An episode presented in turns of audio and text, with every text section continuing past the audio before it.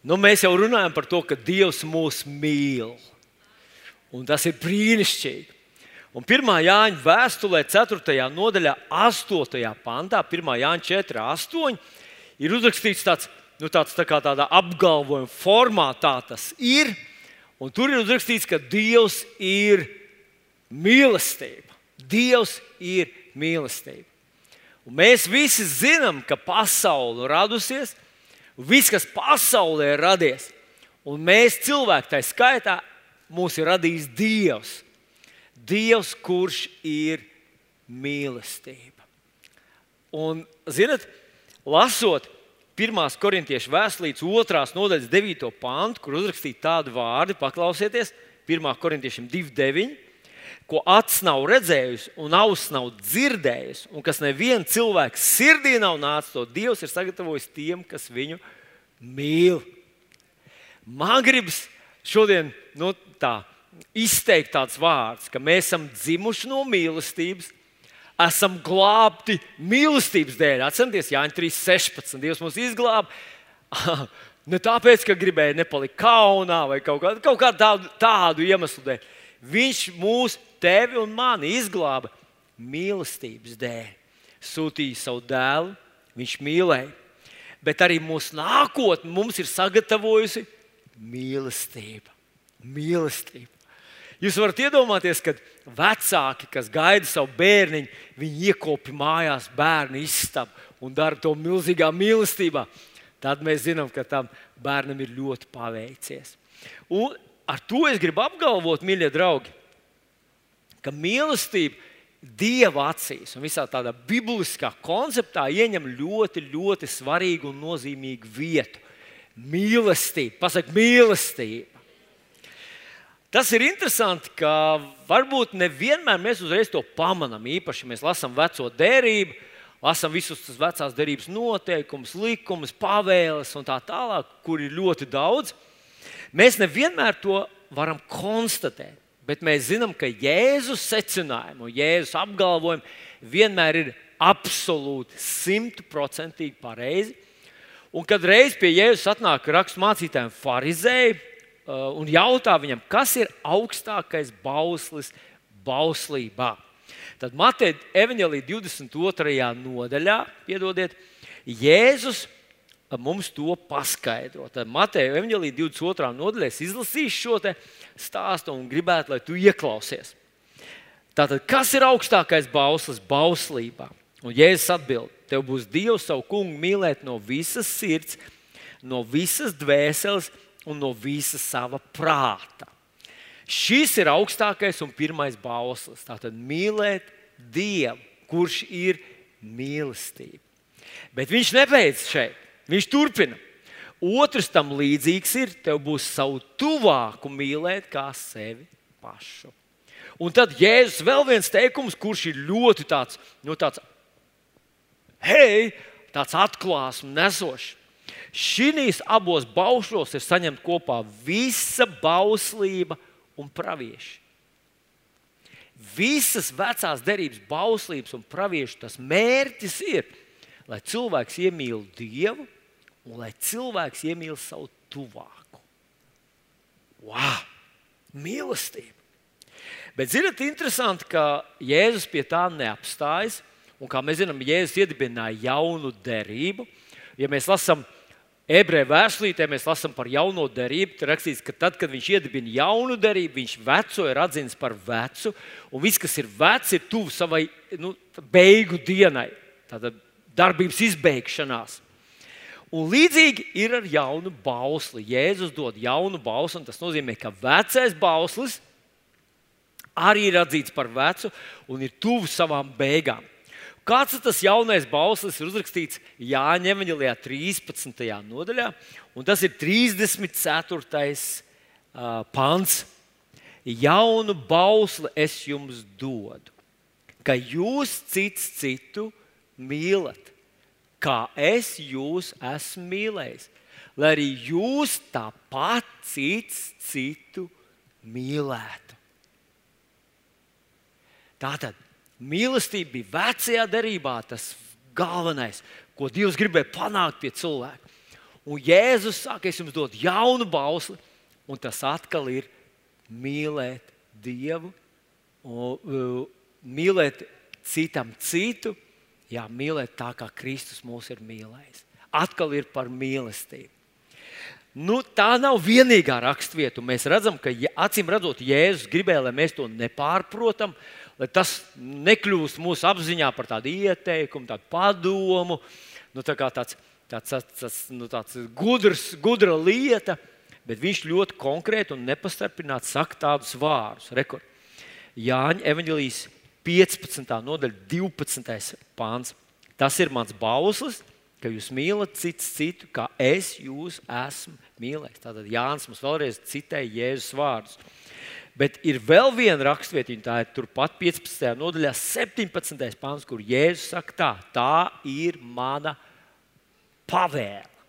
Tā ir mana pavēle mīlēt citam citu. Nu, šķiet, ka kādreiz mums radās tāda sajūta, ka, ka tas ir bezgala grūti. Cilvēki ir tik dažādi, situācijas tik neviennozīmīgas. Viņi mums kaut ko šāva un tā, un ne visi mīl mani. Jo es teicu, ka katrs grēcinieks mīl tos, kas viņu mīl. Mēs nevienmēr sastopamies ar mīlestību, un tomēr mums ir dota pavēle mīlēt. Vai arī jums kādreiz ir radusies tāds sajūta, ka tas ir grūti mīlēt?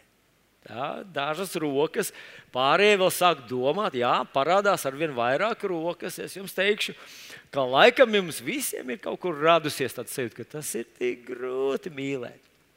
Iedomāsimies uz mirkli, mīļie draugi, iedomāsimies, ka Jēzus mums nepavēlēja mīlēt, bet pavēlēja, piemēram, nicināt.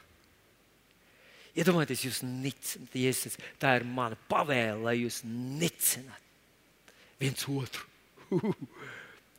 Iedomājieties, nu viens otru tā vēl labi, tā, tā, tā, tā, tā nu, kaut kā saprotam. Tā kā tā.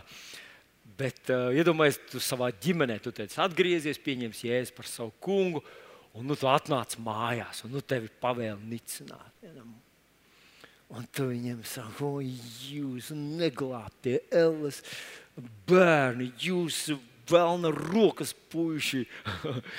Jūs ēdiet, ēdiet, jo, jo tas ir viss, ko jūs varat no šīs pasaules paņemt. Jūsu nākotne ir ellē. Un, nu, tā, tāds, tāds ļoti tāds jēzum paklausīgs viņa māceklis, nicināt.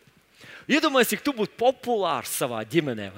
Tu esi stulbeņi, esat jūs tur šitā un tā, un tur, tu, tur viss. Vai, piemēram, nīst, tu nīst tas cilvēks. Tu saki viņam, jūs esat grēka nesēji, jūs, jūsu vieta ir LE, un kaut jūs tur ātrāk būtu. Iedomājieties, tev pieņem, tu atnāc uz jaunu darba vietu, un tu sāc jau no paša sākuma. Kā Spēržens teica, es no paša sākuma tāds, kā tu plāno būt beigās. Cilvēki tevī nevilsies. Un tu sāc nīst, un nicināt, un melot, un, un, un krāpties un zakt. Iedomājieties, cik populārs tu būtu savā darba vietā. Ko? Jūs tā nedomājat? Kā jūs domājat? Ja tev tiešām būtu jāpavada viens mēnesis šādā režīmā, vai nebūtu tā, ka tu teiksi, kungs, es gribētu, es gribu mīlēt. Cilvēki pavisam, cilvēki pavisam savādāk izturās pret tevi, ka tu esi mīļš, ka tu cieni, ka tu esi laipns. Vai ne? Tā kā tajās reizēs, mīļie draugi, kad mēs sākam domāt, ka tas ir grūti mīlēt, vajadzētu apzināties, ka īstenībā tā ir ļoti attiecības veicinoši. Tas ir kaut kas, kas palīdz atvērties cilvēkiem, labi justies tavā tuvumā.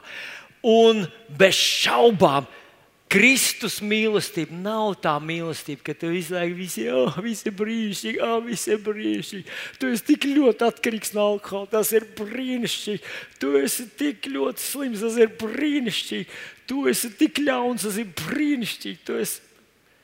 Tā nav tāda mīlestība, tā ir pavisam cita veida mīlestība. Tā ir mīlestība, kas rūpējas, kas palīdz, kas ceļ, kas ir godīga un patiesa. Un Jēzus bija šīs mīlestības spilgtākā izpausme. Un mēs zinām, ne, visos, ne visās aprindās Jēzus bija populārs. Un tomēr, mīļie draugi, šī mūsu, šis Dieva dotais mandāts mīlēt ir kaut kas, kam vajadzētu mums palīdzēt šajā dzīvē.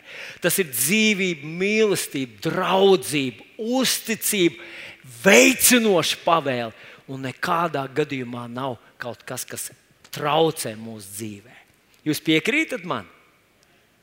Bet paskatieties vēl uzmanīgi, Jāņa 13, 34. Tur ir teikts kaut kas, un tas ir teikts, ka jums būs tā mīlēt savu tuvāku, kā es jūs esmu mīlējis. Tas nozīmē, ka tā mīlestība mums nav jārada, nav jānotēlo. Tas nav tā, ka mums ir dūra pie deguna un asins pa degunu tu mīli, vai arī būs ļoti slikti. Tas tā nav. Viņš saka, es tev dodu šo mīlestību.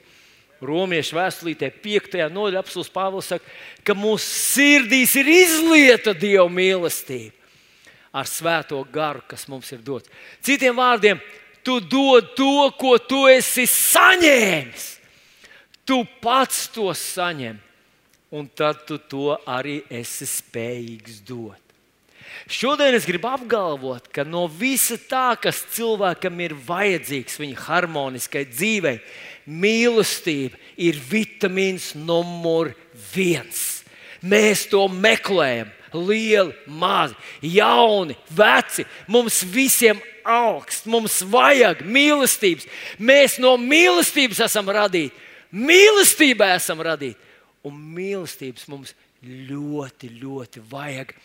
Un man šķiet, ka mums visiem tās ar vienu, ar vienu pietrūkst.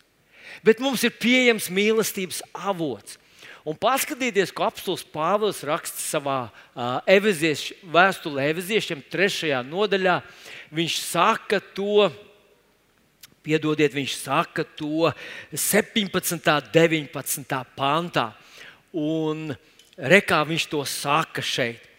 Viņš saka, un lai Kristus jums ticību turot, mājot jūsu sirdīs, un jūs iesakņotos un stipri stāvēt mīlestībā, ka jūs spētu aptvert, kāds ir e, Dieva mīlestības platums, garums, augstums un dziļums, un izprastu Kristus mīlestību, kas ir daudz pārāk par katru atziņu, un ar to piepildīt, iegūtu visu Dieva pilnību.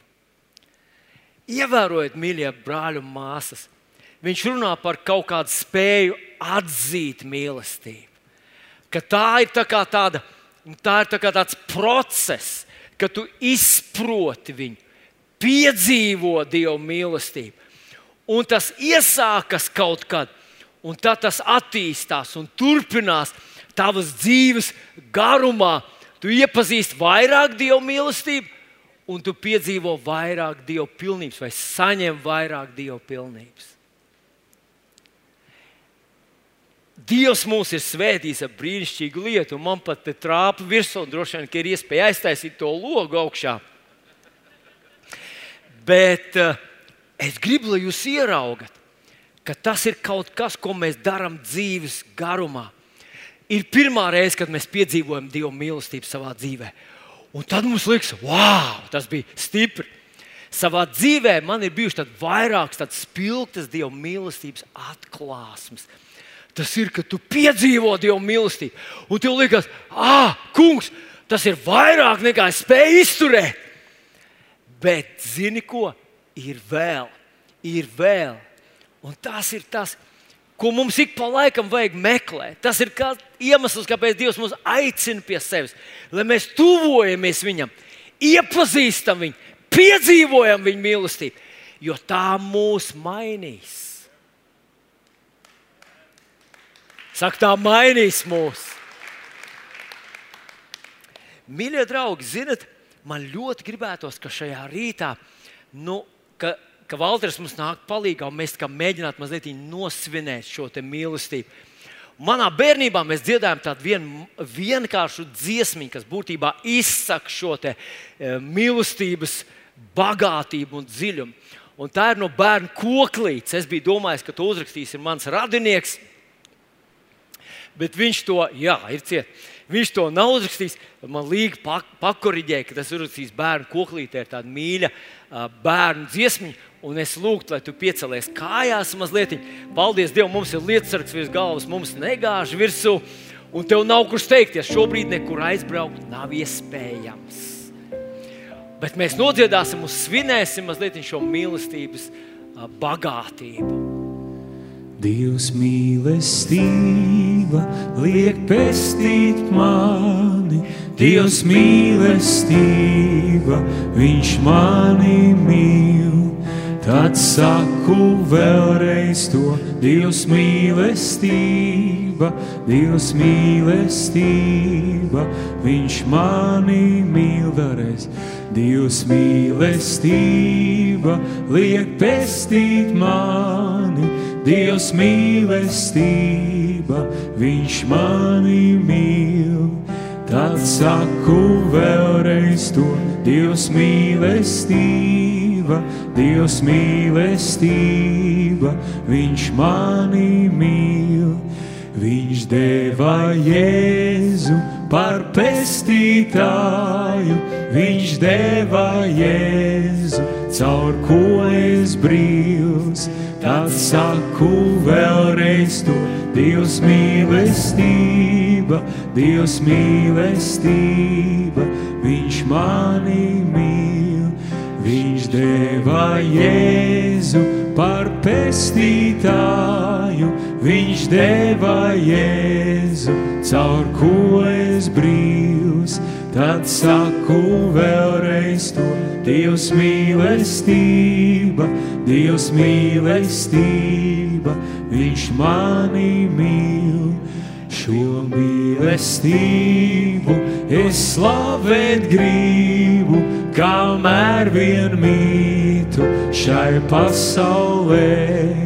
Tad saku vēlreiz to Dievs mīlestība, Dievs mīlestība, Viņš mani jo mīlestību es slavēt gribu, kamēr vien mītu šai pasaulē. Tad saku vēlreiz to Dievs mīlestība, Dievs mīlestība, Viņš mani mīl. Jā, mēs pateicamies Tev, Kungs, par mīlestību. Mīlestību. Dieva mīlestība ir kā okeāns. Tava un mana tā attīstās, tā pieaug. Un sākotnēji varbūt tā ir tāda maza tērcīta, bet tā noteikti pieaugs, ja tu paliksi viņas, viņa mīlestības okeānā.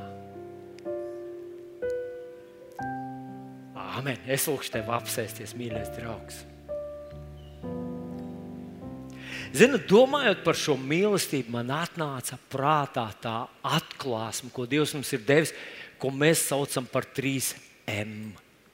3M manā izpratnē ir Dieva trīs principu, tāds komplektiņš, kur viņš ielika iekšā mūsu visu draugu redzējumu, gan no Iesai grāmatas 49. nodaļas 6. pānta, gan no Jeremijas grāmatas 1. nodaļas. Šie trīs principi ir principi, kuros, ja cilvēks dzīvo, tie ir tādi dzīvi apliecinoši, harmoniskai un jēgpilnai dzīvei. Un tas pirmais ir tātad mīlestība. Bet es vēlreiz atgādināšu to uh, Evaņģēliem 3.19, kur viņš saka, ka atzinuši šo mīlestību, tā ļauj mums saņemt Dieva pilnību. Katru reizi, kad tu atzīsti Dieva mīlestību, piedzīvo to. Un dažreiz tā ir tīri tāda atklāsmes veidā, tā ka tev aizraujas elpa. Dažreiz tas ir milzīgi emociju plūdi. Un, protams, tas paliek ilgāk atmiņā. Bet tas vienmēr tev kaut ko dod. Bet tagad padomājiet, ja tas pie tā apstātos, Dievs grib, lai tu piedzīvo viņa mīlestību, tu piedzīvo viņa mīlestību, piedzīvo viņa mīlestību, tu saņem, saņem, saņem, un tas tā arī apstātos pie tā. Tad kaut kas pietrūkst mazliet. Manuprāt, tad mēs būtu līdzīgi tādiem plīšu lācīšiem, kuriem saņēmuši mīlestību, kad mazā Anniņa aug, un pēc tam aug Kārlīts, un pēc tam Jānis, un pēc tam visi mums četri bērni mīlēja to, to, to mazo plīšu lācīti. Viņš saņems tik daudz glāzu, tik daudz mīlestības un tik daudz uzmanības. Un ar šiem pašiem gadiem viņš no tās mīlestības ir palicis tāds pavisam tāds relaksēts. Un viņš ne, neko no mums Neviens negaidītu, mēs nekad nepielietotu to Dievu pilnību. Kaut kas nebūtu pareizi. Un tad, manuprāt, ir fantastisks, loģisks, biblisks risinājums. Ir tas nākošais, tas princips, un tā ir māceklība. Saka, māceklība. Wow! Tā ir bagātība. Šis māceklības princips. Jēzus teica, es eju pa visu pasauli un dariet par mācekļiem. Mīļais draugs, tu neesi tikai kristietis. Tikai kristietis tu vari būt šāds un tāds, bet ja tu esi māceklis, tā ir, ja tu, es domāju, ka tu mazliet zini, bet man tas tā tāds vēlreiz atnāca tāda atklāsme un iedrošinājums būt un palikt un visu dzīvi būt par mācekli. Un tas ir, ziniet, šajā nedēļā mums bija tāda saruna ar manu dzīves draugu. Mēs sēdējām kopā, tādā ģimenes tādā idilē, mēs ēdām, es neatceros, vai tās bija pusdienas vai vakariņas. Un pēkšņi man sieviņa saka, man tā, ir vilni, ir viena lieta, kas tev jāizmaina, ir tevī. Un, ziniet, es uzreiz nu, tā, sagatavojos. Jā. Varbūt viņi teiks, tev vajag bicepsu drusku lielāku, vai, vai, vai nu, jūs gribat paudzes, 10, 15 centimetrus. Un, vai kaut ko viņi grib, lai tu izmaini. Un es klausos, viņi saka, viena lieta, kas tev savā dzīvē ir jāizmaina, un tu to vari šodien te atstāt, nolikt, atteikties no tā, saistīt un nedzīvot vairs viņā. Un, zini, nu, es nezinu, kā jūs reaģējat līdzīgā situācijā, bet mana miesa kā drusciņi nu, viņa vēl ir dzīva, nav vēl mirusi, bet drusciņi vēl knapi nu, katru otro dienu nopukst tās miesas sirds. Un man miest kā mazliet. Hei! Tas piedzīvoja 60, gandrīz 60 vasaras, 60 ziemas. Tas apēdis tonām maizes, tas izdzērs cisternām kafiju. Tu nevari vairs mainīties! Tāds kāds tas ir. Tad man kāds advokāts uz pleca teica, jā, bet nu, kur tev tas saraksts palika ar visām lietām, kas jāizbaida? Viņai. Zināt, bet to es darītu tad, ja es būtu vienkāršs, mīsīgs, parasts miesas gabals. Bet es esmu māceklis. Un es teicu, labi, sieviete, kunga Jēzus vārdā es šo te pat nolieku, sasaistu, atsakos no tā. Es esmu jauns radījums Kristu Jēzu. Un viss.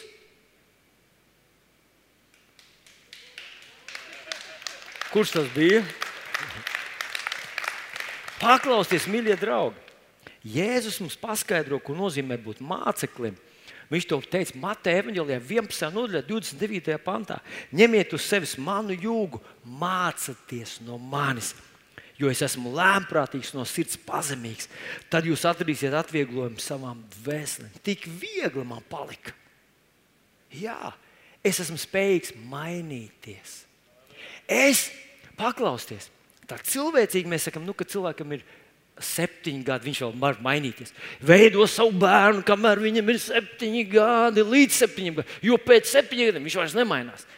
Nu, tad ir tāds progresīvāks teo, teorijas, kas saka, ka cilvēks veidojās līdz 21 gadam, pēc 21 gadiem viss bezcerīgi ir vēl progresīvāks teorijas, kas saka, līdz 40 gadiem kaut ko var izmainīt viņā, bet pēc 40 viss ir stīvs, sacietējis un, un nemainīgs. Un tad ir cilvēki, kas saka, pēc 60 viss betons. Tur tikai ar atskaldām āmuru, un, un ziniet, kāds pat ir teicis, ka arī zārks ne, neizmainot dažus. Jā. Bet redziet, Jēzus saka, ka mēs varam mainīties visas dzīves garumā, kā mācekļi. jo tas ir viņa spēks, tā ir viņa gudrība, tā ir viņa būtība mūsos, kas mūs maina. Un zinat, ko? Es ieraudzīju, ka tā ir tāda progresa svaidījums, šis mācekļu svaidījums. Kungs palīdz man to nekad nepazaudēt. Palīdz man vienmēr palikt šajā pārdabīgajā dieva spēkā, mainīties, veidoties, kļūt labākam. Tas nozīmē, ka nākamgad es būšu vēl svaidītāks, vēl efektīvāks, vēl labāks, vēl mīļāks, vēl svētījošāks, vēl uh, pacietīgāks, vēl e, ietekmīgāks. Paskatieties, kā tas ir uzrakstīts psalmos. 84. psalmā ir uzrakstīts šāds, te, šāds te apgalvojums, un es izlasīšu pantiņu jau iepriekš, bet tas sāls ir tieši tajā 8. pantā. Paklausieties, 84. psalms no 6. panta. Svētīgi ir tie cilvēki, kas tevi atrod sev spēku kam sirdī stāv tavi ceļi, kas savu raudu ielai staigādam to dara par avoksnēnu zemi, jau agrais lietus tos pušķo ar svētību. Tālāk, ieklausies, viņi iet no spēka uz spēku. Cik ilgi? Līdz 25 gadiem, līdz 35 gadiem. Nu, līdz 40 gadiem viņi iet no spēka uz spēku, no spēka uz spēku. Viņi iet no spēka uz spēku, līdz kamēr viņi parādās tavā priekšā, Dieva priekšā, ciānā. Wow! Mīļie draugi, vai jūs redzat, kas tur ir uzrakstīts? Tur uzrakstīts, ka mēs, kas esam pieņēmuši kungu Jēzu, mēs pārvēršamies viņa līdzjūtībā. Mēs atjaunojamies savā dvēselē un pārvēršamies viņa līdzjūtībā. Mēs pieaugam gudrībā ne tikai līdz 25, 45, 65, 85. Mēs pieaugam savā spējā, savā ietekmē, savā nezinu, autoritātē, savā varā, savā svaidījumā līdz pat savai nāves dienai. Vai tas nav brīnišķīgs apsolījums? Pasaulē ir pieņemts, ka cilvēks pēc kaut kāda gadu skaita kļūst nu, tā tāds jau, nu, tā kā, ko nu viņa ar viņu runāt. Ko nu viņš vairs var izdarīt? Bībeli tā nesaka par Abrahāmu. Tur rakstīts, ka Dieva apsolījumu viņš neuzņēma ar šaubām, neuzticību, bet Dievam godu dodams, kļuva stiprs ticībā. Viņš palika ar vien stiprāks, un simts gados, kad viņam piedzima dēls, viņš bija sasniedzis apgēju savā ticībā. Hei! Brāļu māsas, vai tas nav brīnišķīgs princips, kur Dievs mums ir devis? Un tāpēc Pāvils mums raksta Romiešiem 8. nodaļā, Romiešiem 8. nodaļā, jums vairs nav nekāda pienākuma dzīvot pēc miesas, jo miesas vairs nevar. Bet mūsu spēks jau nav miesā. Mūsu autoritāte, mūsu panākumi jau nav mūsu pašu rokās. Tie ir no sadarbības cilvēkam ar Dievu. Un tas ir brīnišķīgi. Tas ir apsolījums, kur Dievs mums ir devis. Tad mēs ejam no spēka uz spēku. Mēs progresējam visas dzīves garumā. Un tu vari mainīties. Tu vari atstāt vakardienas nevarēšanas. Tu neesi norakstīts, ka tev ir 40 gadi, tāds kāds es, tāds paliks, tāds ļaunatminīgs, tāds nervos, tāds aizskaitināms, tāds nespējīgs. Tev nav sliktas atmiņas un nav problēmas, jo tu taču un tavs spēks nav tevī pašā, kas ir tajā, kas dzīvo tevī. un tāpēc, ha, uh, uh, tas māceklis, tas māceklis! Es mainos uz augšu. Paldies, Tev, debes Tēvs, par to, ka es varu būt māceklis. Es esmu māceklis. Un tas nodrošina manu pielietojumu visas dzīves garumā. Bet tagad padomājiet, mēs, Dievs mūs mīl, mēs saņemam mīlestību. Dievs mūs maina uz augšu viņa klātbūtnē, sadarbībā ar viņu, mēs pieaugam efektivitātē, spēkā, ietekmē, ticībā, ejam no spēka uz spēku. Un ja tas viss te arī apstātos, tas arī būtu viss. Tas ir viss, ko mēs gribētu. Tad mums nāktos uztaisīt klosteru, aizslēgt durvis ciet, un neejam ārā, tur ļaunā, nejaukā pasaule, kas mūs nesaprot. Paliksim šeit, baudīsim, teiksim, cik daudz, cik Dievs mūs mīl, cik daudz esam no viņa saņēmuši. Un tas būtu viss. Tad tas būtu ļoti skumji. Tas būtu tā kā būtu uzrakstīts mūzikas šedevrs bet neviens to nekad nav dzirdējis. Tas būtu kā sarakstīts stāsts, kas varētu uzrunāt cilvēkus, bet neviens to nekad neizlasīs. Tas būtu kā uzrakstīts kaut kas, kaut kas vienreizēji nozīmīgs un svarīgs, bet līdz adresātam tā arī nenonākt.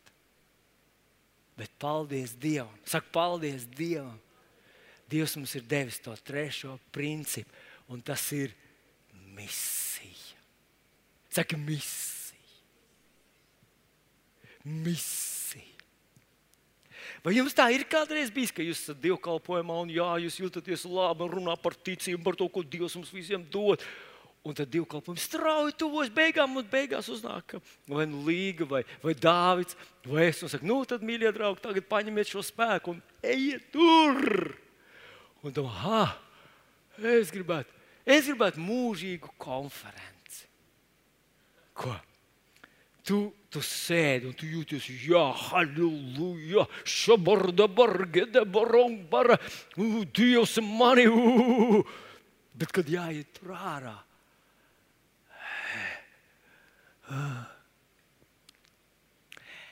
Man šķiet, ka Dievs gribēja, lai mēs uztveram, runājot par misiju, to apmēram tā. Jā, es varu iet ārā! es būšu rīt darba vietā, es būšu savā ģimenē, būšu pie saviem radiem. Jā! Es varu to kādam aiznest, es varu kādam uzlikt rokas, es varu kādu svētīt, es varu padalīties ar Dievu atklāsmi. Vai ne? Halleluja! Bet zinat ko? Es jums pateikšu, kāda ir realitāte. Jūs vēl neesat realitāte nekad bijuši. Ka bieži vien tad, kad tu saki, jā, es eju, kungs, tu sastopies tā kā pret sienu. Un pamēģinās vienreiz, otrreiz, trešreiz. Tev šķiet, ka kaut kas ar tevīm laikam nav, jo cilvēki neustver, nesadzird, nesaprot, ko tu tur saki, ko tu tur smīkņā, ko tu tur uh, ķiķini, ko tu tur bāzi savus rokas man virsū un tā tālāk. Un mums rodas sajūta, ka Dievs vērtē mūsu misiju pēc rezultātiem, ko tur tie neticīgie, kā viņi uz tevi reaģē, un ko viņi par tevi domā, un ko viņi par tevi saka. Bet es gribētu teikt, ka tā tas galīgi nav. Tā tas galīgi nav. Un es gribu jums šo, šajā rītā parādīt vienu piemēru. Tas ir uzrakstīts Hozejas grāmatā. Piedodiet, Ecehels, pravietis Ecehels, pravieša Ecehela grāmatā. Tas ir uzrakstīts. Uh, uh, piedodiet, jā. Man bija vienkārši pravieša Ecehela grāmatā, trešajā nodaļā. Mēs lasām šeit tā. Tātad Dievs sūta Ecehelu, un re, ko viņš viņam saka. Cilvēks bērns, ej pie Izraēla. Sludini Izraēla namam manus vārdus. Es tev nesūtu pie tautas, kam sveša valoda un nesaprotama runa, bet pie Izraēla nama. Nedz arī pie lielām tautām, kam sveša valoda un nesaprotama izteiksme, kuras vārdus nesaproti. Es tev nesūtu pie tām svešām tautām, kuras tu nesaproti.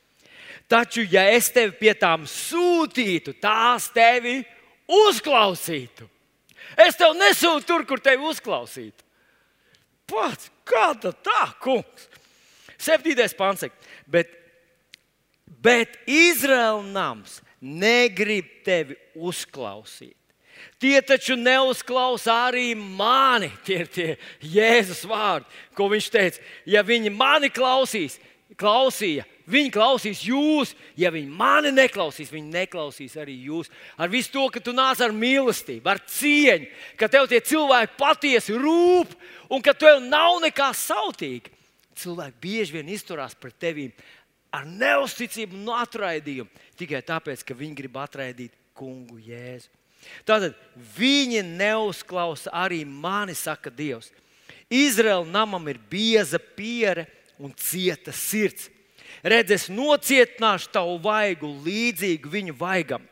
Es došu tev cietu pieri, kas būtu līdzīga viņu pierei, kā dimantu, kas cietāks par klinti.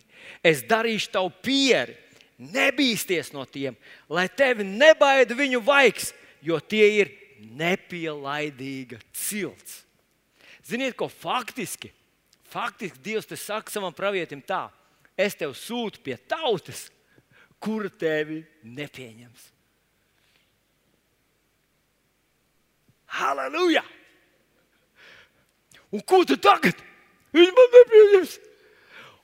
Un mums liktos, nu, ka nu jau, un pravieši runāties būs tā kā tāds pļāviens uz glūdekļa. Un vienmēr man nāk prātā, kā man māmiņa pārbaudīja jaunībā. Tagad droši viņai ir moderns glūdeklis. Bet savā jaunībā viņi iestiprinājās tādā gudekli, un tur vajadzēja ilgu laiku, līdz viņš uzkarst. Un nevarēja izzināt, mans tēvs viņu bezgalīgi bija remontējis, un, un tur bija daudz kas satīts ar izolācijas lentu, visu, bet viņš strādāja. Viņi iestiprinājās viņu, atstāja viņu, un tad viņi pienāca pēc kāda laika un tā uzspļāvus. Tā. Un, ja nebija nekā, tad vēl bija jāpagaida. Bet bija, tad, kad bija gatavs, tad bija jāpagaida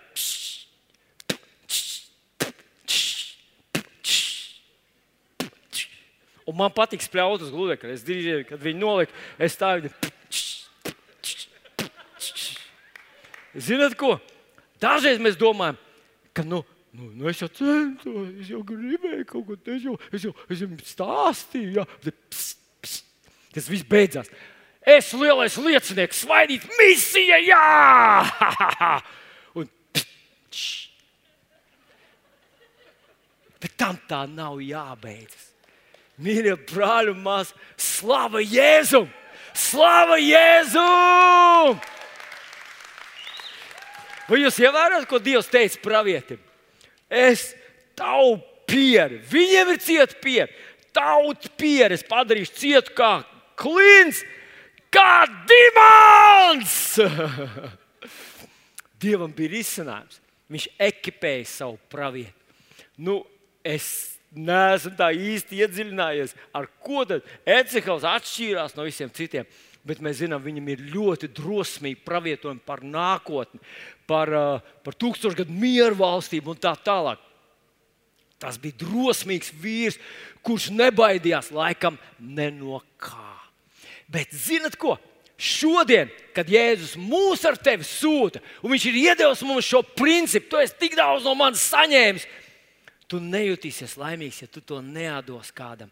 Viņš to pateica apakstuļu darbos, pirmajā nodaļā, 8. pantā. Apakstuļu darbos 1,8, kur viņš sacīja tā, bet jūs dabūsiet spēku, kad svētais gars būs nācis par jums un būsiet mani liecinieki līdz pasaules galam.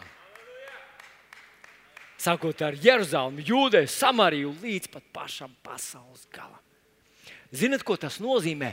Līdz pasaules galam Jēzum bū, būs liecinieki. Un mēs galvā sasilšana. Būs jēzum liecinieki, ui, antikrists, būs jēzum liecinieki. Ui, tur valdība, tur kaut kas, tur kas tur tagad, ui, Eiropas Savienība. Jēzum vienmēr būs liecinieki, jo viņš ir devis viņiem spēku un spējas. Un mēs ar tevi esam daļa no viņu liecinieku armijas šajā laikā. Un tāpēc, tad, kad vēlams mums cenšas pateikt, vai, vai, vai tie neticīgie, tavs liecība nekas nav, tev vajag viņam teikt, nomierinies. Mēs ne ar plikām rokām esam atnākuši. Dievs manus vārdus padara gana stiprus. Un ja tas ir uz ko es runāju, ir klints, tad mani vārdi ir dimants. Jo Dievs deva savu svēto garu man, lai es šajā laikā sludinātu viņu vārdu bez bailēm.